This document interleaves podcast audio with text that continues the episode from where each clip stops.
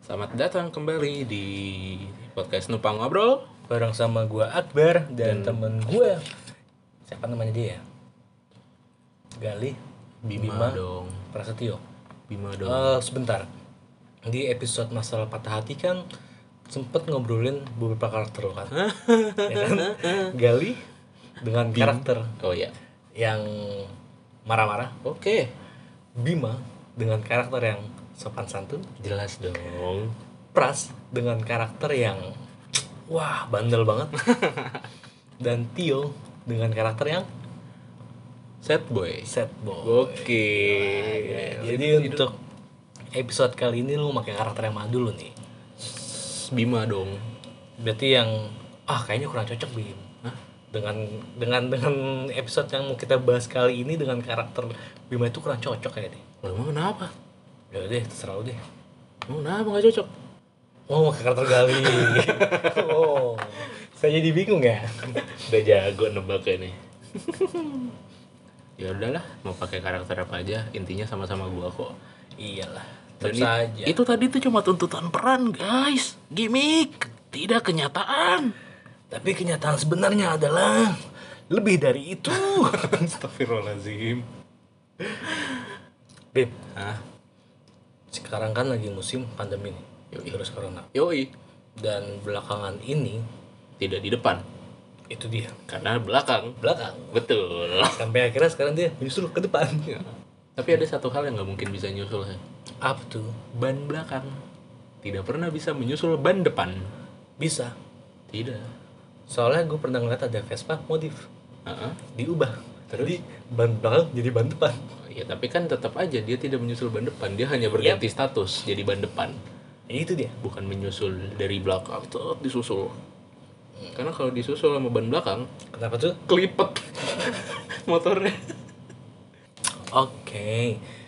Kan kita lanjut nih ke topik pembahasan kali Lanjut lanjut lanjut aja. Hmm, di masa pandemi ini kemarin kan sempet tuh muncullah beberapa teori-teori konspirasi. Iya, Bapak enak kenapa pak? udah kopinya rasa es. udah habis rasa kopinya. Atau jangan-jangan dia penuh konspirasi kali Bim? Iya, esnya lebih banyak dari kopinya. Iya, emang nyata seperti itu Bim. di mana-mana juga kayak gitu Bim anjir. Enggak asik kayaknya zaman sekarang. Kenapa tuh? Karena kan zaman dulu, Kenapa emang ya? zaman itu dulu tuh nggak kerja, dapet duit, dikasih ongkos, makan tinggal makan, main tinggal main. Enakan zaman dulu pokoknya lah. Ya udahlah, Ya kenapa konspirasi tadi? kan belakangan ini sempat up. Hmm, Menurut sudut pandang lo, hmm. apa itu teori konspirasi? Teori konspirasi itu adalah teori alternatif yang muncul akibat ketidakpercayaan seseorang dengan eh, sesuatu.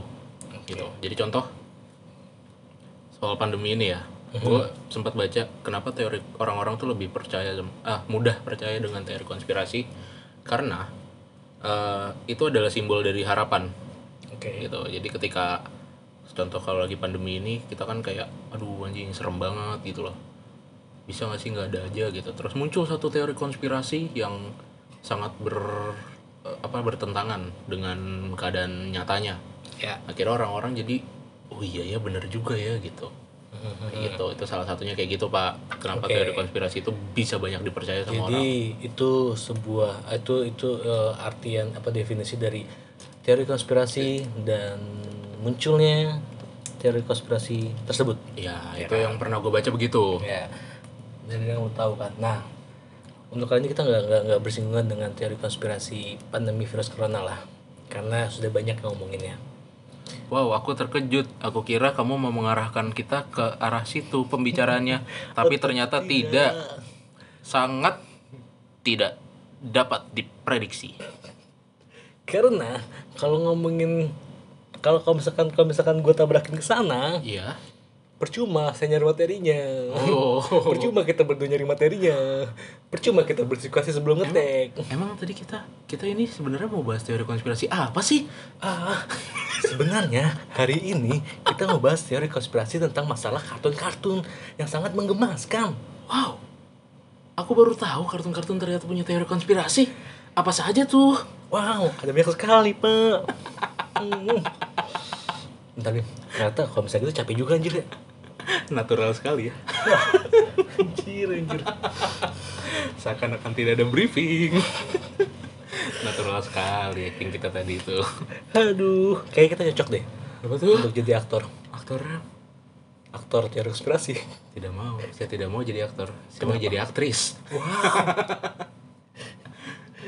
Penuh konspirasi sekali hidup Anda ya. kan kalau katanya PD apa PD baik lagunya dia yang cita-cita kan cita-citaku ingin menjadi polwan tapi sayang aku hanya lelaki oh Tuhan tolong hambamu aku tak sudi jadi bapak polwan Oke, oke. Kita balik lagi, Bim. ah Setelah mencari beberapa artikel, ya ternyata banyak sekali kartun-kartun yang ya bisa dibilang mengandung teori konspirasi. contohnya apa aja tuh Ada si SpongeBob SquarePants. Hah? SpongeBob? Yap. Kenapa dia? Konspirasi apa? Oh, gue tahu. Apa? Jadi SpongeBob itu adalah sebenarnya bukan hewan laut, Terus? tempe, Tapi kan bentuknya warnanya kayak keju. basi. Tapi kan tempe basi oncom jadinya, ya, bukan Enggak keju. dong, beda oncom sama tempe basi. Tempe basi itu lama-lama jadi kuning. Itu tuh yang bulat-bulat bukan bolongan, kedele. Jadi dulu ada nelayan di Pati tuh, Mhm. pas lagi nyari ikan, lagi makan, kaget, Wow. tempenya jatuh. Wow. Tuh. Jadi SpongeBob, gitu kan konspirasinya? Wow, konspirasi yang sangat keren. Gitu kan? Mm-mm. Jadi gini Bim, Apa tuh? teori konspirasi yang ada di SpongeBob itu Heeh. eh bentar, bentar, bentar. Gue mencari dulu, gue baca dulu, gua baca, Oke, baca, baca, baca, baca. Oke oke oke. Jadi karakter eh karakter kartun tos- kartun SpongeBob SquarePants itu mengandung teori konspirasi yang berkaitan dengan sebuah bom nuklir. Uji coba nuklir. Itu. Apa korelasinya? Jadi gini, siapa sih pecinta SpongeBob? Si Stephen Hillenburg ini, Apa apa apa? namanya Stephen Hillenburg. Apa? Halo halo. Stephen Hillenburg. Oke. Lancar kan gua? Tapi nggak tahu cara pengucapannya benar gimana. So, ngucapin itu yang bener gini, Stephen Hillenburg. gitu. Stephen Hillenburg. Nah, iya Bak, iya. bak, bak, bak. Kayak anak gue harus gue ajarin ngomong kayak gitu tuh nanti. Chesney, Stekelenburg. Biar lebih jago ngomongnya. Iya. Nggak kayak bapaknya ya. Iya. Stephen Hillenburg ya udah lanjut. Kenapa tadi? Kok bisa berhubungan dengan uji coba bom nuklir? Jadi gini, eh bersinggungannya itu adalah si latar belakang penciptanya sendiri. Hmm. Si Stephen Hillenburg ini berlatar belakang itu adalah ia peneliti biologi kelautan. Oke. Dia mantan peneliti ya. Iya. Dan dari situlah teori tersebut muncul. Ah, ah. Nah, menurut teorinya adalah karakter cerita dan kocak dari SpongeBob ternyata sebuah upaya untuk menutupi sebuah pulau yang hancur dan tercemar oleh radiasi nuklir. Oke. Nah, lo tau kan nama kotanya? Tahu. Bikini Bottom. Yoman. Nah, nama Bikini Bottom itu yang menjadi setting tempat di mana SpongeBob tinggal diambil dari kat- diambil dari tempat yang digunakan sebagai eh, uji coba senjata nuklir yang berbahaya itu loh. Apa namanya? Namanya itu Bikini Atoll. Atol Atoll. pakai L. Bikini A T O L L. Oh, L 2. L dua. Berarti atol Atoll. lalalalalalalalal. atol gitu. Tapi jangan sampai Bikini Mama. Hah? Jangan sampai Bikini Mama. Bikinnya mama apa aja? Ya jangan sampai jadi Bikini Mama. Mama pakai bikini ngapain gila lu? Nggak jelas aja mama Tapi kalau pakai mama, bikini. mama bule gimana? Itu tetap aja. Mama Korea gimana? Bagus. Jadi gini. Mamanya Wulan Guritno. Wow. Tetap gua mah nggak jauh-jauh Wulan Guritno udah. Idola. Jadi tuh teori yang berkembangnya itu adalah kejadian ini dilakukan sejak tahun 1946 hingga 1958. Mm-mm. Terus Oh, pas masa-masa perang dingin. perang kedua ya. Setelah Setelah- setelah perang setelah kedua, perang setelah perang ya. kedua dingin pas Jadi Uni tuh Soviet sama Amerika masih perang dingin.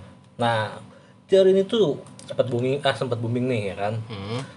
Tapi meski teorinya sempat booming, nggak ngebuat pihak ataupun nggak buat kartu SpongeBob itu tuh dihentikan. Ya karena itu cuman sebatas teori conspiration. we Yap, itu dia. Just a conspiration theory Itu dia. Jadi tidak bisa dibuktikan secara ilmiah. Yoi, jadi itu dia apa eh, teori konspirasi yang ada di apa di kartu SpongeBob itu adalah eh, tempatnya, tempat latar settingnya. Tapi menurut gue itu teori konspirasinya nggak masuk akal gitu maksud gue. Kalau misalnya dia mau menyembunyikan apa namanya tempat uji coba nuklir itu Iya, pulaunya. dari publik gitu kan, kenapa harus nyiptain kartun gitu? Kenapa nggak dia bikin skandal aja gitu? Tapi kan lebih kenapa- mantap. Kenapa dia seorang mantan peneliti biologi kelautan, terus tiba-tiba dia jadi seorang animator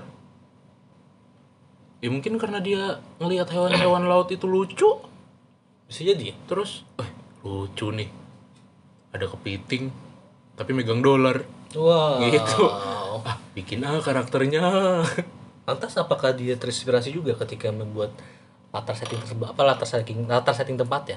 Lah, Nama ya? latar kan setting kan tempatnya? justru menurut gue ya yang di bisa aja yang dicocok-cocokkan itu adalah si bikini atolnya siapa tahu tempat itu emang bener-bener nggak ada di bumi terus disama-samain aja ah SpongeBob namanya bikini Batam kita bikin tempatnya namanya bikini atol aja supaya mirip biar ter- biar teori konspirasinya tuh Naik. lebih terpercaya ya kan lebih masuk teori konspirasi gue tadi Yang SpongeBob itu tempe itu lebih masuk akal loh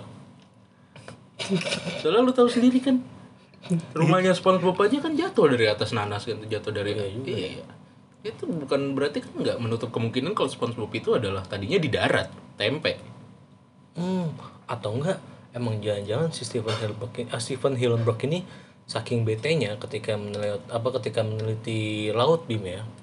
Dia jatuhin nanas, Jatuhin jatuhin tempe, jatuhin batu, Iya. ya kan?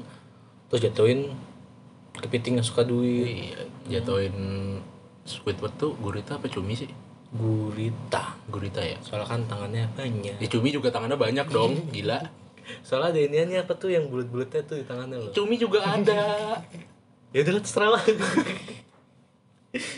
guru guru juga tangannya banyak nih wow. Jadi, pasti pada nggak tahu guru aja. Jadi itu tuh itu itu, itu dia Itu SpongeBob. eh, teori, Teori konspirasi konspirasi, SpongeBob. yang ada di kartun SpongeBob SquarePants. Terus, Terus selanjutnya yang ada apa lagi? Kedua itu ada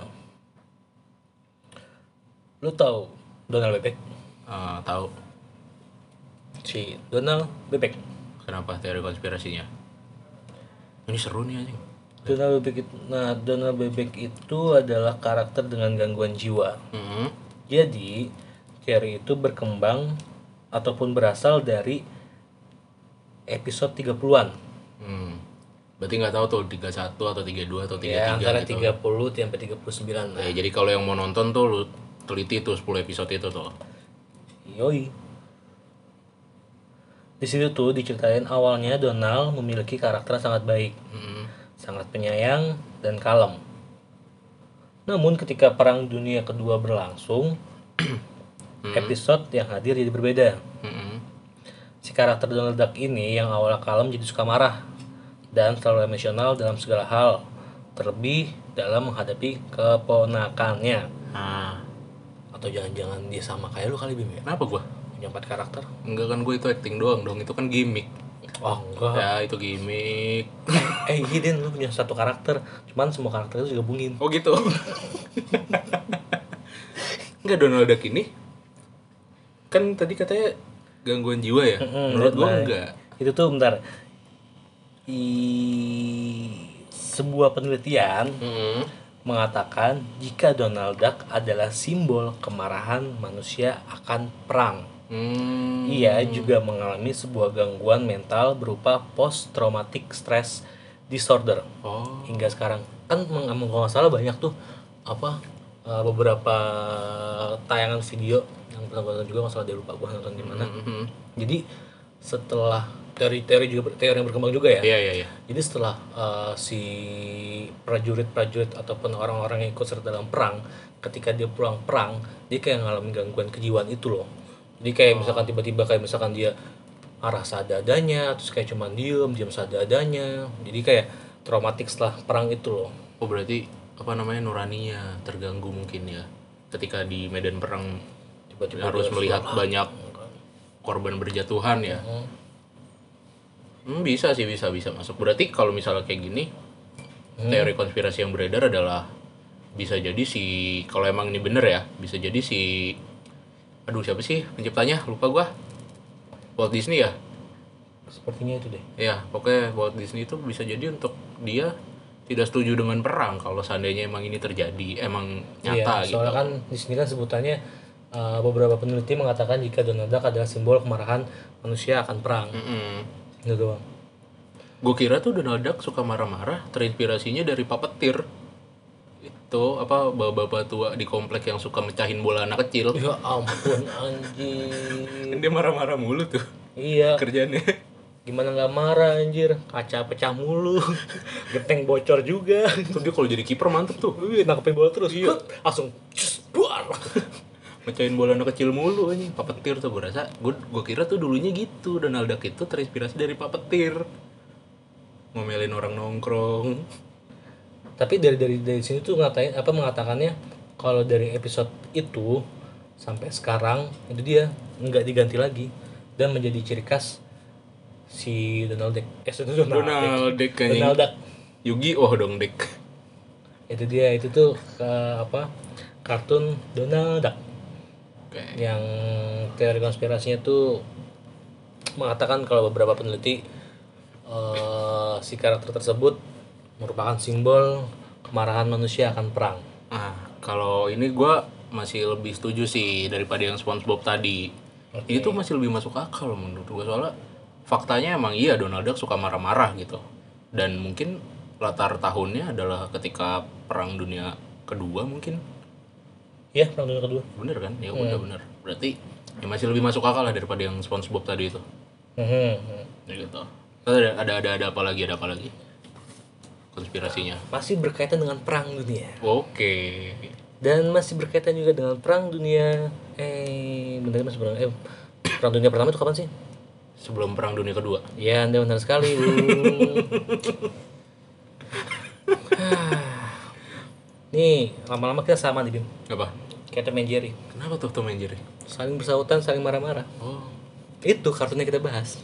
oh kita mau bahas Tom and Jerry Itu dia. emang Tom and Jerry ada konspirasi apa anda Ada, jadi itu Tom and Jerry itu simbol propaganda perang. Teori yang teori konspirasi yang apa? beredar Yang beredar. ah Jadi latarnya nih ya, latar Tom and Jerry itu dibuat tahun 1940.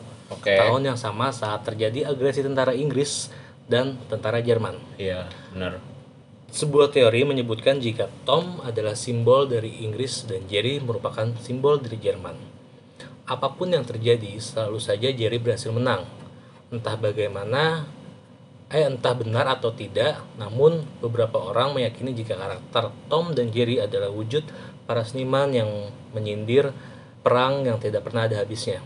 Seperti aksi dua hewan yang tidak pernah berhenti bertengkar itu. Mm-mm.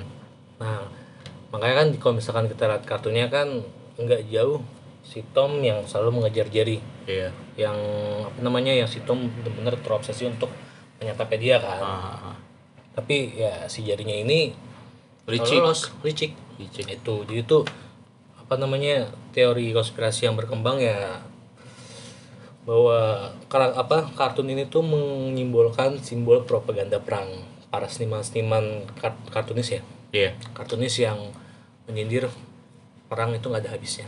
Tapi kenapa harus Tom yang Inggris, Jerry yang Jerman? Kan bisa aja Tom yang Jerman, Jerry yang Inggris atau apa namanya Tom yang Klaten, Jerry yang Surabaya gitu.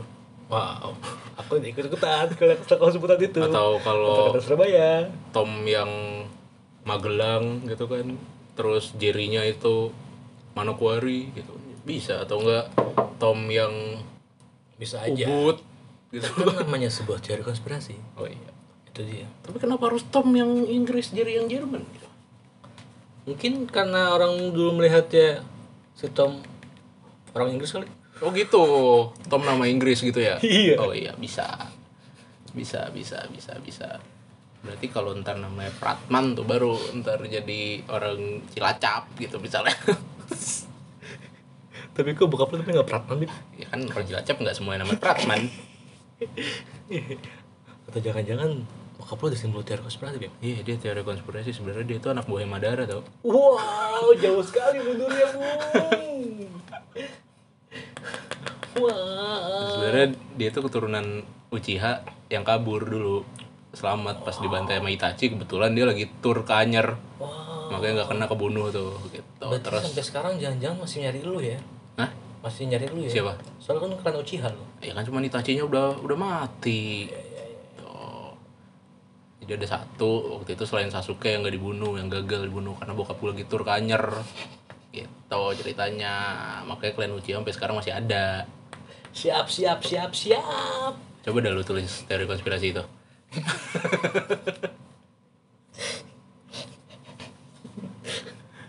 aduh Uh, kesel sekali aku sama aku ini ingin kupukul cuman dia teman yang sampai sekarang masih ngetek podcast bareng ya udah gue pulang deh udah gue pulang deh kalau dipukul yakin lu pulang deh begal Ini nggak jadi.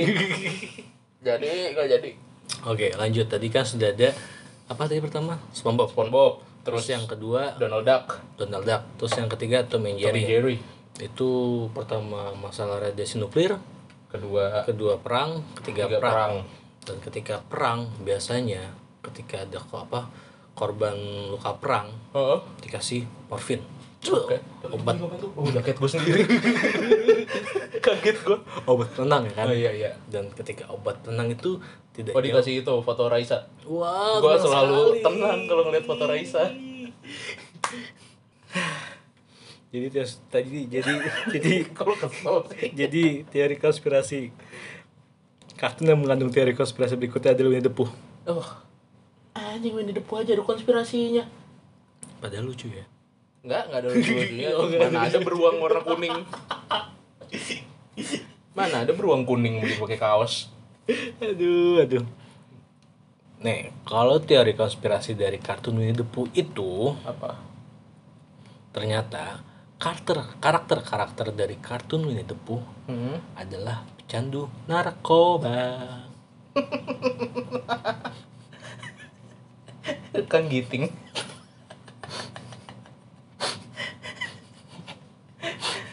Oh, gue tahu tuh yang tukang giting siapa yang keledai. apa Yang santuy banget mukanya. Yang keledai gue lupa lagi namanya siapa. Gue ingetnya cuman Piglet, Winnie the Pooh, Tiger, yang keledai gue lupa namanya itu kayak tukang giting tuh mukanya santuy banget soalnya. Oke. Jadi, sebuah teori mengatakan jika karakter dalam kartun kartun ini semuanya adalah pecandu narkoba dan yang paling sehat adalah Owl si burung hantu. Emang ada yang burung hantu? Entah. Lupa dah gue. Gue juga nggak tahu sih. Gue terakhir kali nonton itu tuh pas 1928. Wow. Pas sebuah lagi- teori konspirasi baru. Sumpah Pemuda. Wow. Jadi, teori ini mencuat karena Owl selalu dijadikan tempat curhat hingga semua orang mampu menyelesaikan masalahnya. Hmm. Teori ini menyebutkan jika All adalah bandar narkoba. sehingga sehingga gue bisa ngalamin sehingga sehingga orang yang datang tujuannya mendapatkan obat. Oke.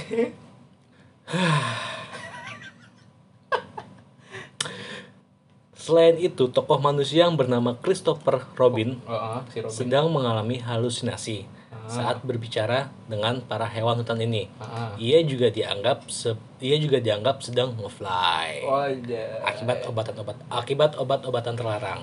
Heeh. Jadi kurang lebih kartun Winnie the Pooh itu adalah sebuah Circle orang giting. circle orang giting Isinya pecandu semua. isinya pecandu semua. Kecuali si Ol ya tadi Ol. Ol tuh dianggap bandar ya. Oh itu dianggap bandar. Tapi menurut gue ya daripada bandar, dia itu si Ol lebih cocok kalau teori konspirasinya sebagai guru BP.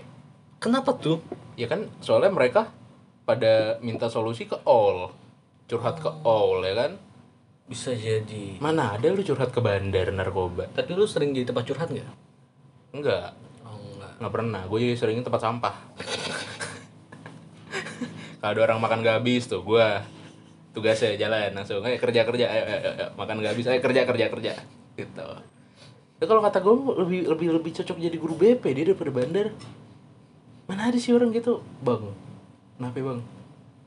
Ada barang nggak? Ada. Tapi bang sebelumnya gini bang. Terus dia curhat. Kagak mungkin ditanggepin. Betul. Kan ini nggak masuk akal nih. Ngasal nih ngasal. Ya namanya juga teori pak. Eh, boleh Konspirasi. sih. Ya udahlah ya. Udahlah. Apa janjian yang bikin lagi? Giting. Jadi dia menceritakan kisahnya dia dengan metafora Winnie the Pooh. Yoi. Ah, Terus yang goblok. ngebuat teori konspirasi tersebut juga giting. Iya, buat lagi giting itu teori konspirasi itu. Wah, aneh anjing. Jadi dia itu itu Itu karak, eh, kartun dari Winnie the Pooh yang tidak disangka semuanya adalah karakter yang pecandu narkoba. Hmm, Oke. Terus Masih ada lagi? Masih banyak sebenarnya pak. Anjing banyak. Namanya teori konspirasi itu banyak. Keluar-keluar 2021 nih anjing. Itu dia. Keluar tag podcast ya. Terus kartun berikutnya itu adalah Seluruh kota merupakan tempat bermain yang asik. Ah, Sailor senang Moon. ya. Wow, bukan. bukan, bukan, bukan. Bukan. Ah, Terus, terus. Ayo. Ayo. Cotabim. Cotabim. Bim bim bim cota bim cota bim. Kalau di bahasa Indonesia Bima Sakti BG. Kartun India. Nih, nih, ini lu pas dulu, pas dulu. Eh, karakter kartun yang yang yang yang yang yang sedikit anaknya tuh dia masih anak kecil nih. Hahaha. Terus terus dia tuh agak sedikit mesum-mesum gimana gitu. oh, itu Malin Kundang. Oh, bukan, bego. Anjing. Bego-begoin gua. ini ini apa depannya itu eh yang bisa warnain inian kanvas tempat Ah, tempat- lipstick, lipstick. bukan bukan bukan bukan bukan Spidol. bukan bukan bukan bukan bukan bukan Sepuhan. udahlah capek gua Oh ya udah. Apa dong? jadi Apa kartun dong? berikutnya itu adalah Crayon Shinchan Oke, Sinchan. siapa yang ini yang yang bo Hah? yang bo tau Iya, Bo yang ingus, Bo. yang ingusan yang ingus bisa jadi Lu Tokyo dulu- Tower. dulu lu sempet gitu gak ingusan gitu Gue loh, Eh, yang Bu. ingus gue mau kering Baru keluar jadi tombak itu ingus Beku, eh. ingus kering kalau digigit sakit tuh pak Ini karakter favorit gue tuh sibuk Santuy Ingus bisa jadi baling-baling Bisa Yup. jadi tower, apa Tokyo Tower Jadi teori konspirasi Crayon Shinchan itu apa sih ini? Bentar ya. Jadi teori konspirasi yang apa sih? Aduh, kalimatnya masih. Kan Enggak lu Setrika dulu lah lidahnya Biar lurus Biar nggak belibet Jadi asal musul, asal musul, Asal musul, musul, asal muasal dan asal muas- usul. Asal muasal kartun Crayon Shinchan yang mengandung teori konspirasi ini Adalah adalah seorang kakak adik yang tabrakan. Yang menjadi Biasa korban. dong Yang Biasa jadi dong korban tabrak. Oh, ya kalau kakak adik tabrakan biasa dong. Main lari-larian ya kan terus berdua tabrakan biasa banget. jadi gini, Shinchan ini kan eh, merupakan karakter ciptaan dari Yoshito Usui. Hah? Yoshito Usui. Hah? Penciptanya itu Yoshito Usui. Siapa siapa? Itu dia. Hampir tiga kali tuh ngulang. Yoshito Usui. Iya. Siapa? Shinchan digambarkan Alah, mau sebagai nyebut. sosok bocah laki-laki yang berusia 5 tahun. Ya, jelas. Pada tahun 1990, Shinchan pertama kali tayang di televisi Nippon. Iya. Pakai pen nggak? Warnanya apa ya? Nippon pen. Kayak warnanya biru-biru telur asin tuh. Jangan dong. Itu aja ungu bonyok.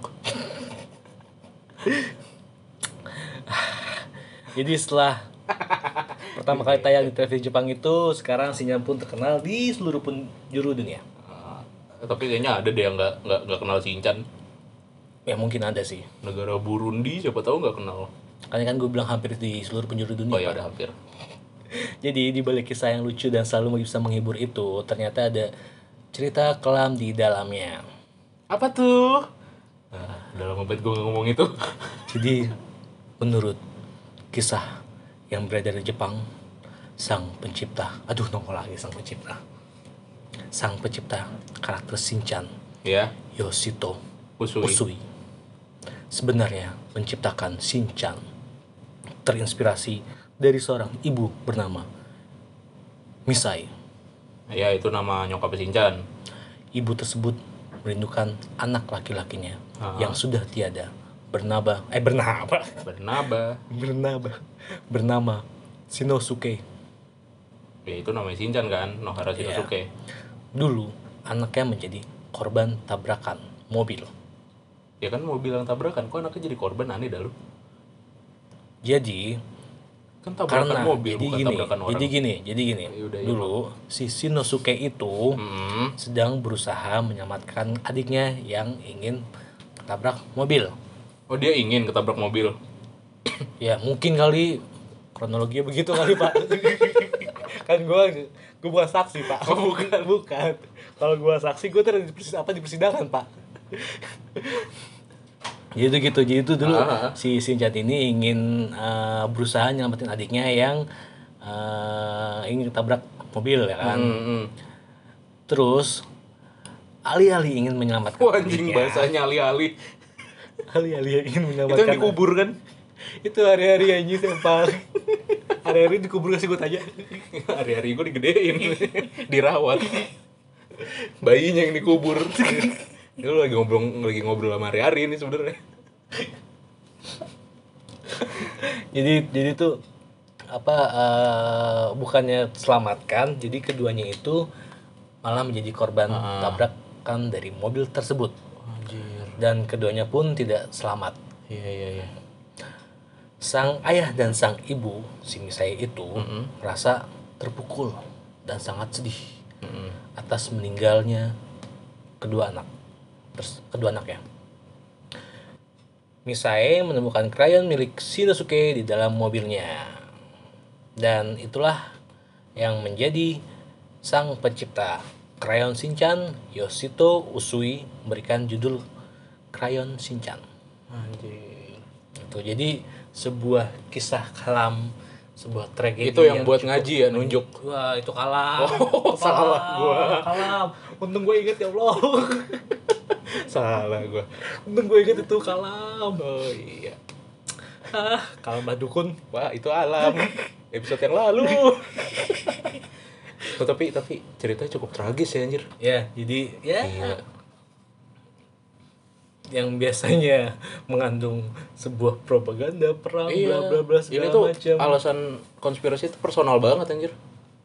Tentang seorang ibu yang merindukan anaknya gitu kan. Ya, Tapi kenapa Shinchan dibikin karakter nakal banget gitu ya? Badung.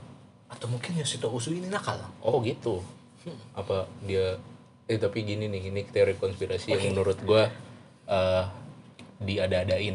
Apa? Itu masalah terakhir krayon. Kayak oh, iya, kayak iya, iya. oke oke kita udah dapat nih teori konspirasi Shinchan asalnya dari mana terus kata krayonnya dari mana ya Wah, iya. benar. gitu terus eh udahlah taruh aja krayon di mobilnya dibilang begitu terus inget jadi krayon Shinchan tapi lu lu lu tahu nggak sih kalau di Jepang itu judulnya krayon Shinchan juga atau bukan Enggak tahu soal kebenaran Jepang.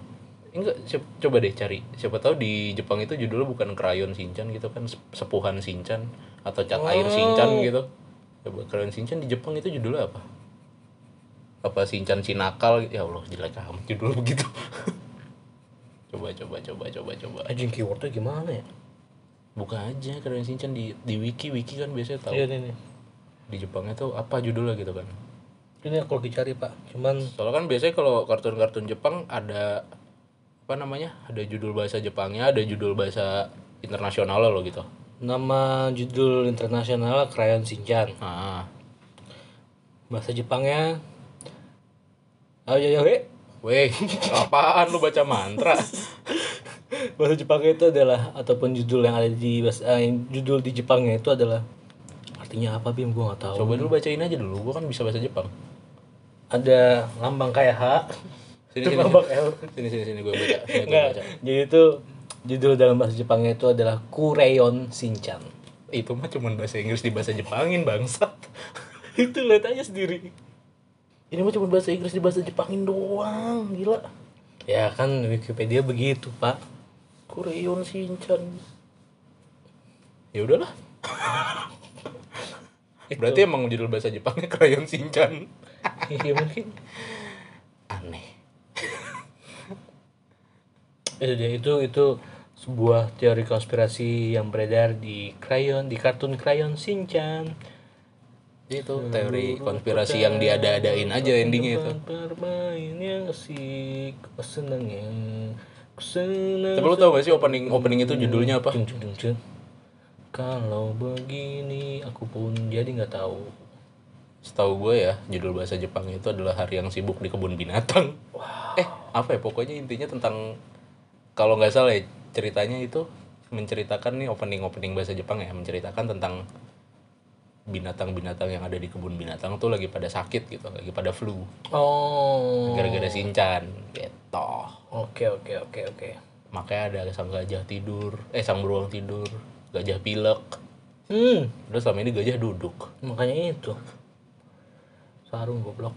Astagfirullahaladzim, ya Allah kasar banget sih teman gua Apalah alangkah lebih baiknya kita berlanjut. bangsat. Astagfirullahaladzim ya Allah. Normal sekali teman saya. Oke oke. Apa masih ada lagi? Masih banyak. Ini ini banget. kita ambil dua kartun terakhir deh. Kayaknya kayaknya kayaknya episode ini tuh sangat informatif ya. Yoi. Kita cuma cuma ngasih info, Yoi. tapi nggak penting. gak bakal bisa dipakai di kehidupan nyata. Tapi kan emang setiap saat dalam episode kita merupakan informasi yang tidak penting, Pak. Iya. iya. Kita pun mengakuinya. Iya. Gua nggak bisa ngebantah. Ya karena kan di pod- di podcast ini kan ya orang namanya ngobrol kok. Iya bener. Jadi, Jadi lanjut apa apa selanjutnya? Hai Arnold, Hai Arnold. Itu Hei Tayo. Oke, jadi karakter berikutnya eh karakter kartun berikutnya adalah karakter eh karakter kartun Hey Arnold. Mm-mm. Di sini ada lima fakta mengerikan mengerikan tentang kartun Hey Arnold. Wah, mengerikan ya. Iya. Oke, awas. Kalau gua nggak takut, awas lo. Apa yang pertama?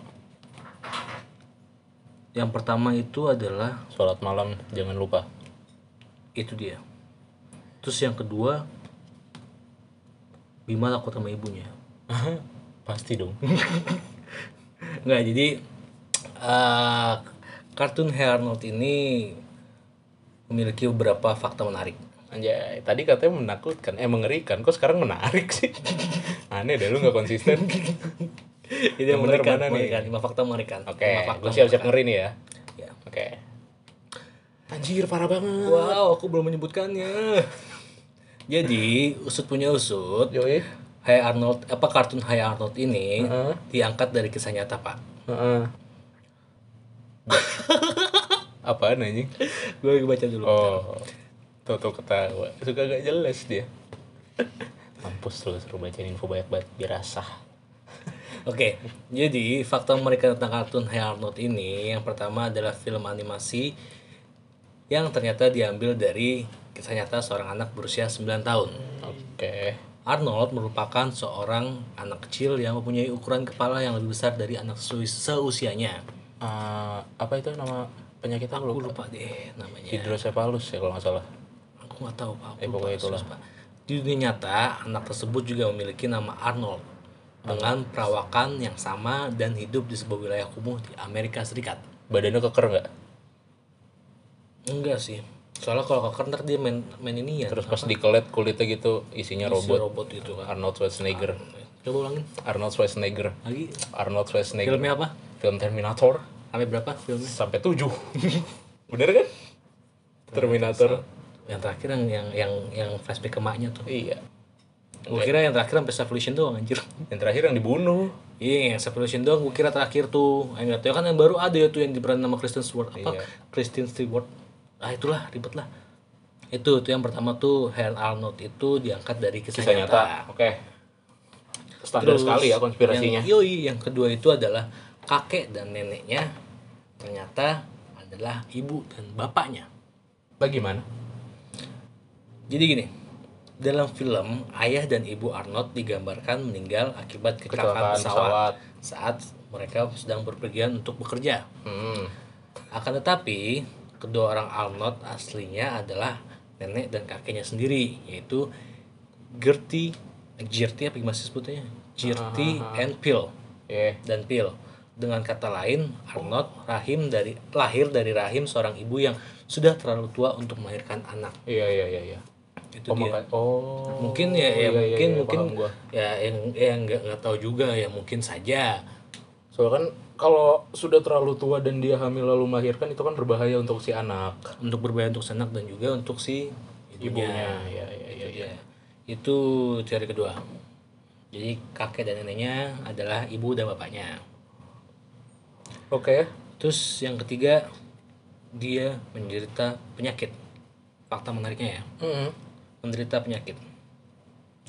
Yang tadi yang yang yang, yang kepalanya itu loh, Iya, yang kepalanya lebih besar, itu. iya, iya. Nah, bener Bim, Kenapa? nama penyakitnya. Hidrosepalus. Yap, Arnold lahir tidak sempurna karena dia mengalami penyakit yang bernama hidrosepalus atau pembekakan kepala akibat gangguan cairan di dalam otak.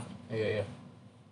Nah, nama Arnold sendiri diambil dari jenis hidrosepalus yang ia idap, yaitu Arnold Chiari Syndrome. Oke, jadi diambil dari nama penyakitnya ya. Kali ini benar-benar informatif. Informatif banget anjir, gue juga nggak tahu. benar-benar informatif. Gue pikir tuh hidrosepalus stok udah selesai di situ. Iya, ternyata ada jadi ternyata ada jenis-jenisnya ya. jenisnya, Dan jenisnya itu adalah Arnold Chiari Syndrome. C H I A R I Syndrome. Iya, gue mau bercanda cuman gak jadi lah. Terus Ya, aku tahu fakta mengerikan berikutnya adalah Hah? Arnold ini selalu menjadi korban bully. Oke. Eh selalu apa enggak sih? Ya pokoknya Arnold menjadi korban bully deh. Ya ya ya. Karena dengan keadaan tidak sempurna, Arnold sudah pasti akan mendapat perilaku teman perilaku dari teman-temannya yakni bullying. iya. Ayo. Wi. Oleh karena itu ia lebih suka bermain sendiri dengan imaji dengan imajinasinya. Terus lama kelamaan hal tersebut semakin menelan ke kehidupannya. Mm-mm. Hingga pada akhirnya Arnold terbawa imajinasinya dan menciptakan teman-teman khayalannya seperti Geralt and Helga. Oh berarti dia selain hidrosepalus dia menderita skizofrenia juga ya? Wow. Iya kan? iya. So dia sampai nyiptain teman-teman hayalan sendiri gitu. Benar. Semua teman Arnold, kalau diperhatikan semua teman Arnold memiliki bentuk yang tidak sempurna seperti alis penyambung maupun hidung besar. Kayaknya alis penyambung ada berapa deh? Itu si Helga kan? Yang alis nyambung sama hidungnya gede. Ya kalau misalkan maksudnya kalau misalkan alis nyambung segala macem kayaknya ada lah. Ada ada beberapa Ada, orang yang alisnya Oh, orang nyambung. Alis nyambung ada. Kata orang pelit tuh dia. Wow. Itu konspirasinya tuh. Sebuah teori konspirasi anjir. Enggak orang yang alisnya nyambung pelit gitu katanya. Katanya ya. Tahu gua nggak punya teman yang alisnya nyambung. Dan akhirnya Nyambungnya sampai bulu ketek kan maksudnya? wow, it's amazing. Anjing turun lewat dagu, alisnya nyambung sampai ketek. Itu jambang, Bro. Enggak. Alis. Oke, lanjut ya. Lanjut. Dan akhirnya kartun Hai Arnold pun berhenti tayang dan itu menyebabkan muncullah beberapa teori konspirasi. Oke, berarti ada teori konspirasinya lagi di balik berhentinya Hey Arnold. Ya, i. Jadi tuh ketika si, kar- si kartun Hai Arnold ini berhenti, usut punya usut hal tersebut Bahasa lu bagus banget sih hari ini. Hal tersebut terjadi karena sang pencipta kartun ini atau film ini tidak memberikan informasi asli mengenai inspirasi dari karakter-karakter yang ia buat. Ah, Hai Arnold rupanya berdasarkan kisah nyata, namun sang kreator berbohong dan mengatakan itu semua bagian dari karya aslinya. iya. Jadi itu dia beberapa fakta menarik atau fakta mengerikan yang ada di kartun Hai Arnold. Habis. Habis. Nggak enak ya, habisnya tadi begitu. Gue pikir mau ada satu lagi gitu, apa gitu. Faktanya. Sebelumnya kalimat gue kalimat yang bakal ada lagi. ya. Iya, itu bakal ada lanjutannya itu kalimat lu tadi. Terus tau-tau habis. kaget gue asli Mengerikan bukan? parah mengerikan banget gue udah nunggu-nunggu ternyata nggak ada anjing bangsat Itu eh beberapa ibaratnya beberapa orang berpendapat atau mengapa teori yang muncul ketika kartun ini berhenti tayang kalau si apa si pencipta karakternya itu berbohong masalah antara si Arnold ini mengenai kisah nyata dan terinspirasi dari kisah nyata ataupun ya hanya imajinasi si kartunis tersebut ya, ya, ya.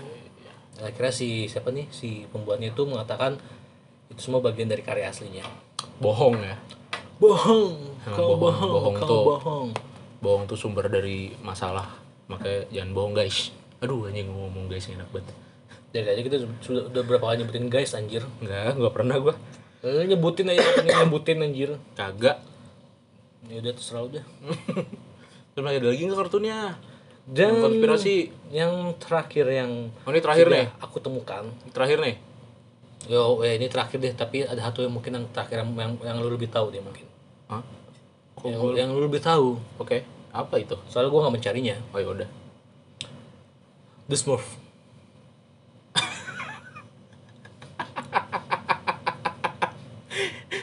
jadi inget itu bapak biru blue father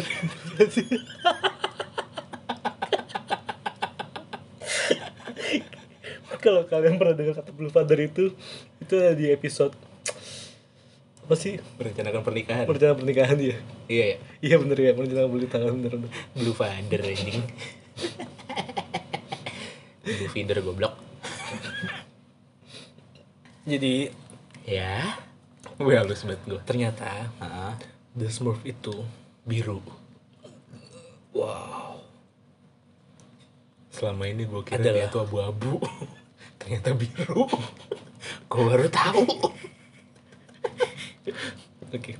The Smurf itu adalah perwujudan dari Nazi and Klan Ku Klux.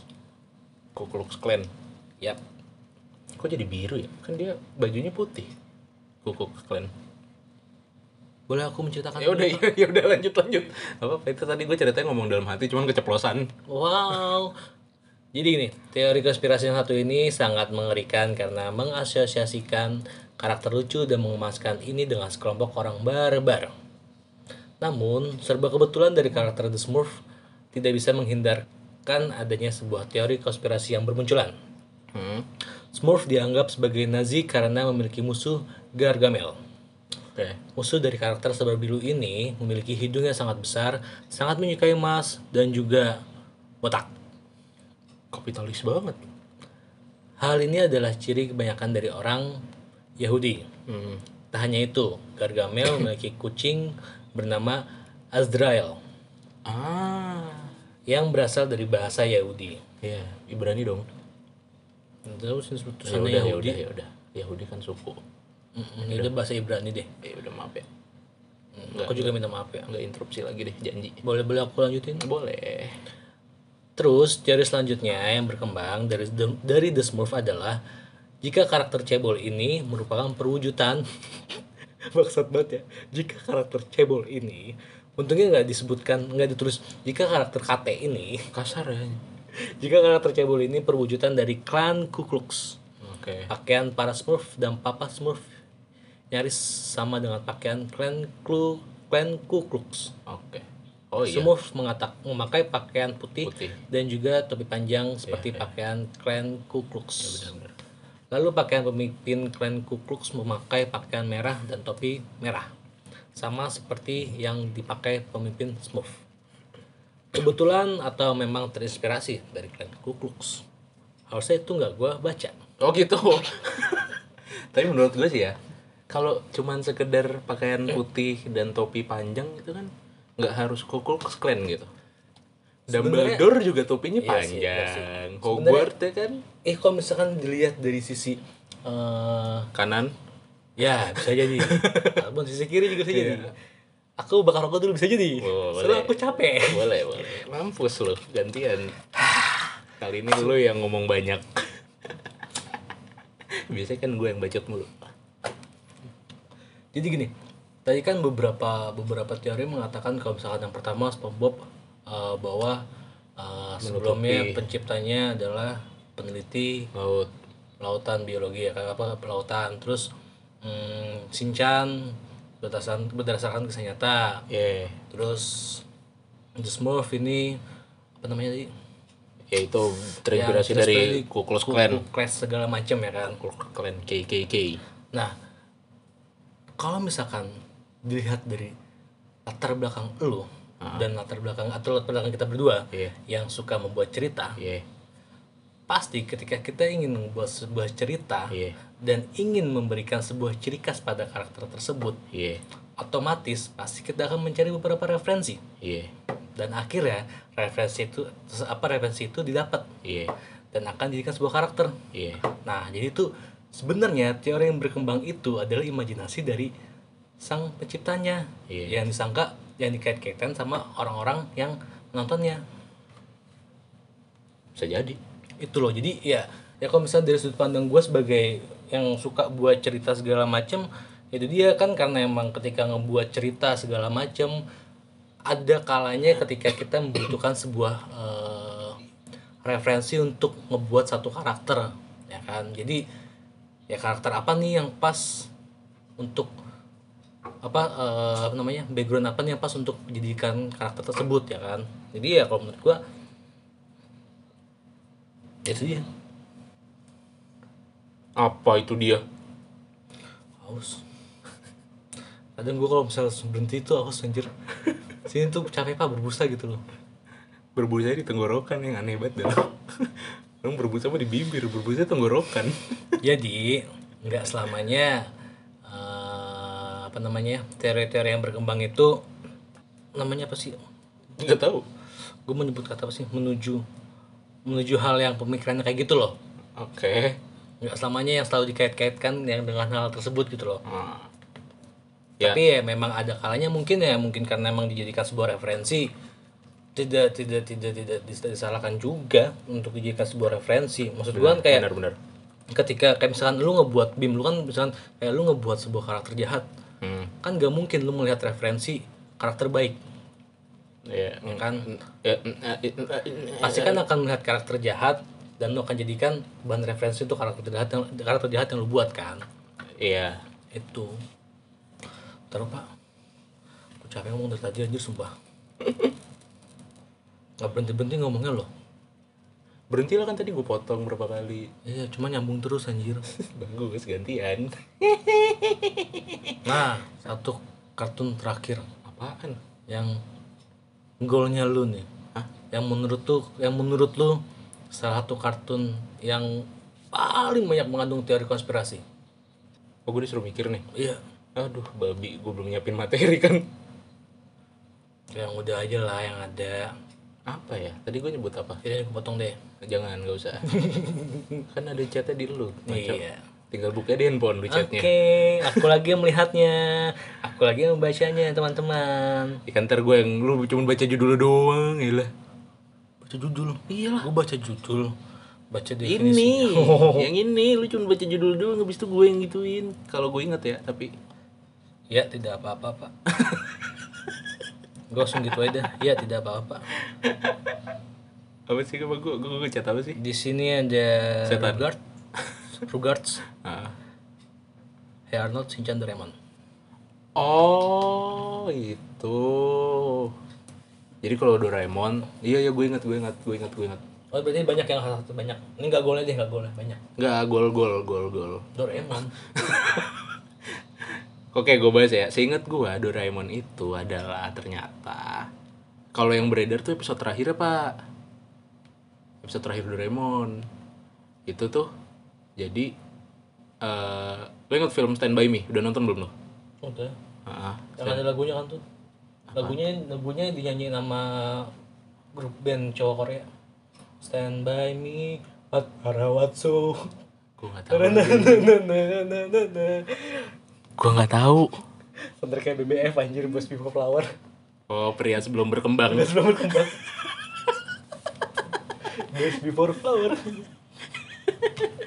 Iya kalau bener remaja Iya, kalau- Iya, itu remaja bener. kalau Doraemon tuh jadi ceritanya teori konspirasi yang beredar kalau pas seharusnya ini tuh jadi episode terakhir Oke. jadi ceritanya tuh si Doraemon pengen pulang ke masa depan untuk Hmm. selamanya karena dianggap gue lupa karena dianggap Nobita terlalu goblok atau gimana gitu jadi intinya Doraemon tuh pengen pulang ke masa depan terus pas di satu hari intinya Nobita tuh pengen ngebuktiin kalau ya udah lu pulang aja gue bisa kok tanpa lu gitu akhirnya sampai si Nobita nantangin berantem tuh nantangin Jain berantem Terus dipukulin tuh Nobita pak pak pak pak. tapi Nobita nggak nyerah soalnya pingsan nggak nggak nggak nggak Nobita nggak nyerah sampai akhirnya si Jain yang kecapean tuh nah, terus di situ baru dah akhirnya dia ngomong ya kan benar pokoknya aku nggak aku nggak apa-apa kok tanpa kamu Doraemon gitu kamu pergi aja pulang gitu seharusnya itu jadi episode terakhirnya sampai dibikin film Stand By Me kan waktu itu tapi karena demand yang sangat tinggi dari penonton Yep. akhirnya tidak jadi dibuat Doraemon selanjutnya pulang lagi Yo. pas ngelihat Nobita sakit habis dipukulin kayak gitu pak kalau Doraemon Ya itu dia itu karena faktor ya demand penontonnya. itu kan karena karena karena faktor demand kan Hmm, gitu Jadi kayak namanya sebuah pembuat film kartun ataupun yang lainnya ya, ketika melihat wah kayaknya banyak orang yang menyukai dan banyak orang yang menonton dan banyak keuntungan dari situ. Bagaimana kalau aku buat lanjutan sedikit? itu tuh sama kayak itu tahu apa serial Sherlock Holmes dulu kan Sherlock Holmes itu tahun berapa gue lupa itu pernah dibikin mati sekali itu jatuh dari air terjun deh seingat gue nah terus selanjutnya si penciptanya itu gue lupa siapa ya namanya gue lupa deh ser siapa itu dia sampai diteror Oh, sama sama, sama fans fansnya gitu kan minta Sherlock Holmes dihidupin lagi dihidupin lagi di soalnya matinya terlalu gampang katanya cuman jatuh doang dari air terjun jatuh dari air terjun mah mati ya gampang aja. terlalu gampang katanya emang dia mau mati yang apa Ini susah matinya yang apa gitu Ya kalau misalkan ketika mati ketika lawan musuh yang susah pasti ntar ngeluh. Ya kan dia jago anjir kenapa harus matinya gampang apa mati, harus mati begitu. nah itu tuh sama kayak Sherlock Holmes fun fact dikit ya tentang Sherlock Holmes jadi si pencipta Sherlock Holmes itu saking jeniusnya mecahin kasus-kasus di Sherlock Holmes sampai beberapa kali sempat disuruh mecahin kasus beneran di dunia nyata Hebat, hebat, hebat.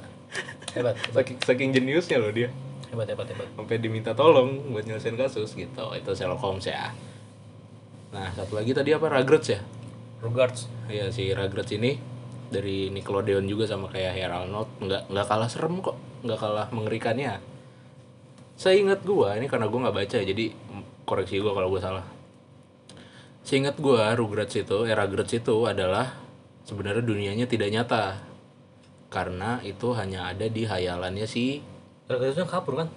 bukan dong Eh, itu Chuck Itu Zone Shazam tuh. Rugrats itu yang bayi si Tommy Tommy Chucky Phil Lil Oh, iya iya iya. terus Kimi Iya. iya. Hime. Ya, ya. Ya, ya, ya, ya, ya, kimi kimi ya, ya, ya, ya, benar benar benar. Ya, nah itu tuh eh, cuman ada di hayalannya si Angelica ya namanya itu si anak kecil yang rambutnya pirang tuh yang udah SD. Gue lupa pokoknya ada Angelica ada Debbie antara dua itu kalau nggak salah si Angelica deh. Cuma ada di hayalannya si Angelica doang mereka itu. Makanya di film itu tuh yang bisa ngobrol sama bayi-bayinya cuma si Angelica. Padahal si Debbie juga kan seumuran kan sama si Angelica itu. Tapi dia nggak bisa ngomong sama bayi-bayinya karena bayi-bayi itu tuh cuma ada di hayalannya dia doang gitu nah nah, yang lebih parahnya lagi seingat gue ya si apa Pil dan Lil ini sebenarnya adalah eh, kan dia diceritain anak kembar ya nah kalau aslinya itu menurut teori konspirasi yang beredar dia ini kalau nggak salah anak kembar siam mbak Oh. kayak gitu Oke. seingat gue itulah kenapa bentuk kepala mereka tuh emang gak ada yang normal ya. Oke, oke. bentuk kepalanya si Tommy kan palanya agak-agak melenceng melenceng Yep. waktu bayi pas tengkoraknya masih empuk banyak yang ditekan Kebanyakan gini. Ah, iya, Aye, aye, Iya, Iya, banyak yang ditekan gemes Kebanyakan gemes diunyeng-unyeng. gemes set, pencet hmm, penyok kan kepalanya kayak gitu itu yang gue ingat dari Rugrats ya kalau nggak salah sih sebenarnya itu teorinya lebih lebih lebih serem lagi sih itu karena gue gue ingatnya cuma segitu doang Iya sih. Ya, ya mungkin kalau misalkan apa kartun yang dengan banyak teori konspirasinya Tidak apa, tidak lain dan tidak bukan kartun apa? Gimana gue tahu? Gue mau nyebutin lupa anjir. Yaudah ingat-ingat dulu. One Piece, Naruto, Boruto, Doraemon, Shinchan. Kartun apa nih? Jepang. Kartun luar. Ih tahu, Jepang kan juga luar goblok. Kartun apa tuh? Ceritanya tentang apa? Ya ampun. Gue lupa. Aduh bangsat banget, ceritanya tentang apa? Biar gue ingetin, gue inget kok. Perpustakaan kartun di otakku tuh luas, Wow. paling luas. Dan yang dijadikan sebuah game Mortal Kombat, The Sims. oh The, S- Hah? The Sims.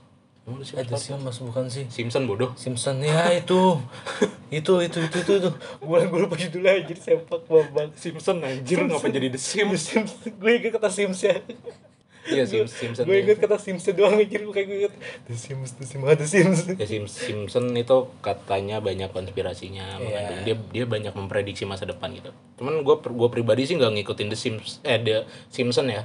Karena The Simpson itu kan tayang di Cartoon Network bukan? yep Ya, dan saya miskin, tidak punya TV kabel. Jadi saya tidak ikut nonton Simpson. Gitu.